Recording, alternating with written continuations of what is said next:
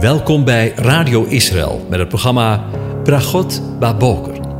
Een kort ochtendprogramma waarin een gedeelte uit de Bijbel wordt gelezen en besproken. Met Bragot Baboker wensen onze luisteraars zegeningen in de ochtend. Presentator is Kees van de Vlist.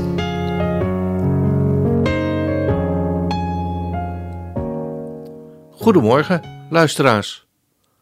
Vanmorgen denken we verder na over Psalm 119 en daarvan de versen 13 tot en met 16. Ik lees ze aan u voor. Ik heb met mijn lippen verteld al de bepalingen van uw mond. In de weg van uw getuigenissen verblijd ik mij meer dan in alle bezit. Ik overdenk uw bevelen en heb oog voor uw paden. Ik verblijd mij in uw verordeningen. Uw woord vergeet ik niet. Tot zover. Over echte blijdschap gesproken. De dichter van de psalm verwoordt zijn gedachten en voornemens met de woorden: Ik heb met mijn lippen verteld al de bepalingen van uw mond. Let erop dat de dichter spreekt over zijn mond en de mond van de Heere. Het is als het ware dat de dichter wil zeggen dat de woorden die de Heere God gesproken heeft, hij op zijn beurt weer vertelt. Waar het hart vol van is, daar stroomt de mond van over, zou je zeggen. Zomaar een vraag. Waar loopt jou en mijn mond van over? Waar gaan onze gesprekken over?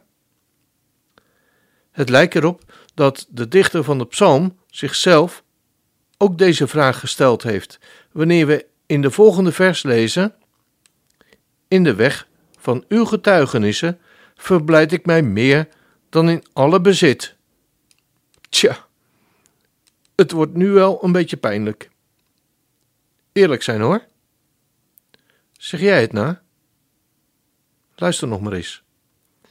In de weg van uw getuigenissen verblijd ik mij meer dan in alle bezit. Oh ja, misschien zeggen we het wel na. Maar wat betekent dat in het leven van alle dag? Met andere woorden, hoe maak je dat praktisch?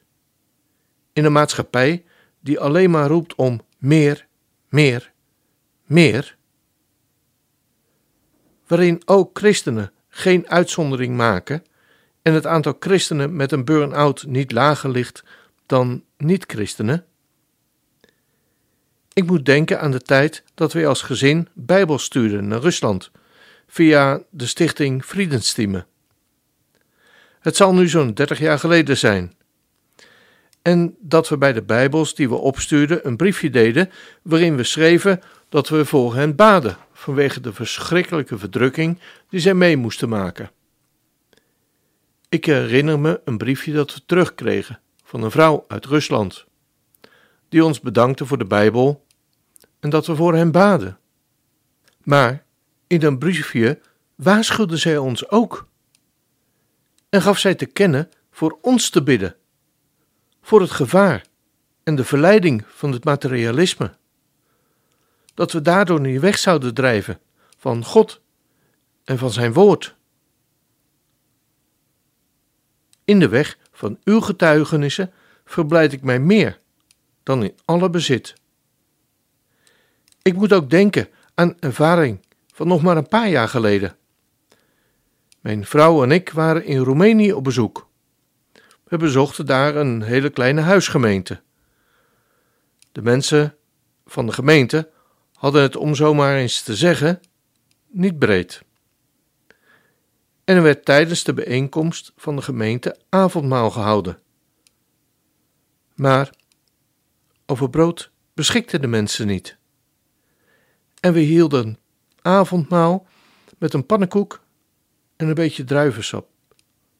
Nooit, maar dan ook nooit hebben we zo gezegend avondmaal gevierd als die keer. En als ik dan kijk naar de weelde van het materialisme waarin wij als christenen in Nederland leven, miljoenen euro's uitgeven aan paleizen van kerken en tonnen voor het orgel en er hele discussies ontstaan over de kwaliteit van het geluid en de beamer. Inderdaad, laat het zo zijn in jou en in mijn leven. In de weg van uw getuigenissen verblijd ik mij meer dan in alle bezit. Dat wens ik mezelf toe, maar ook u. Ik wens u Gods rijke zegen toe, ook vandaag.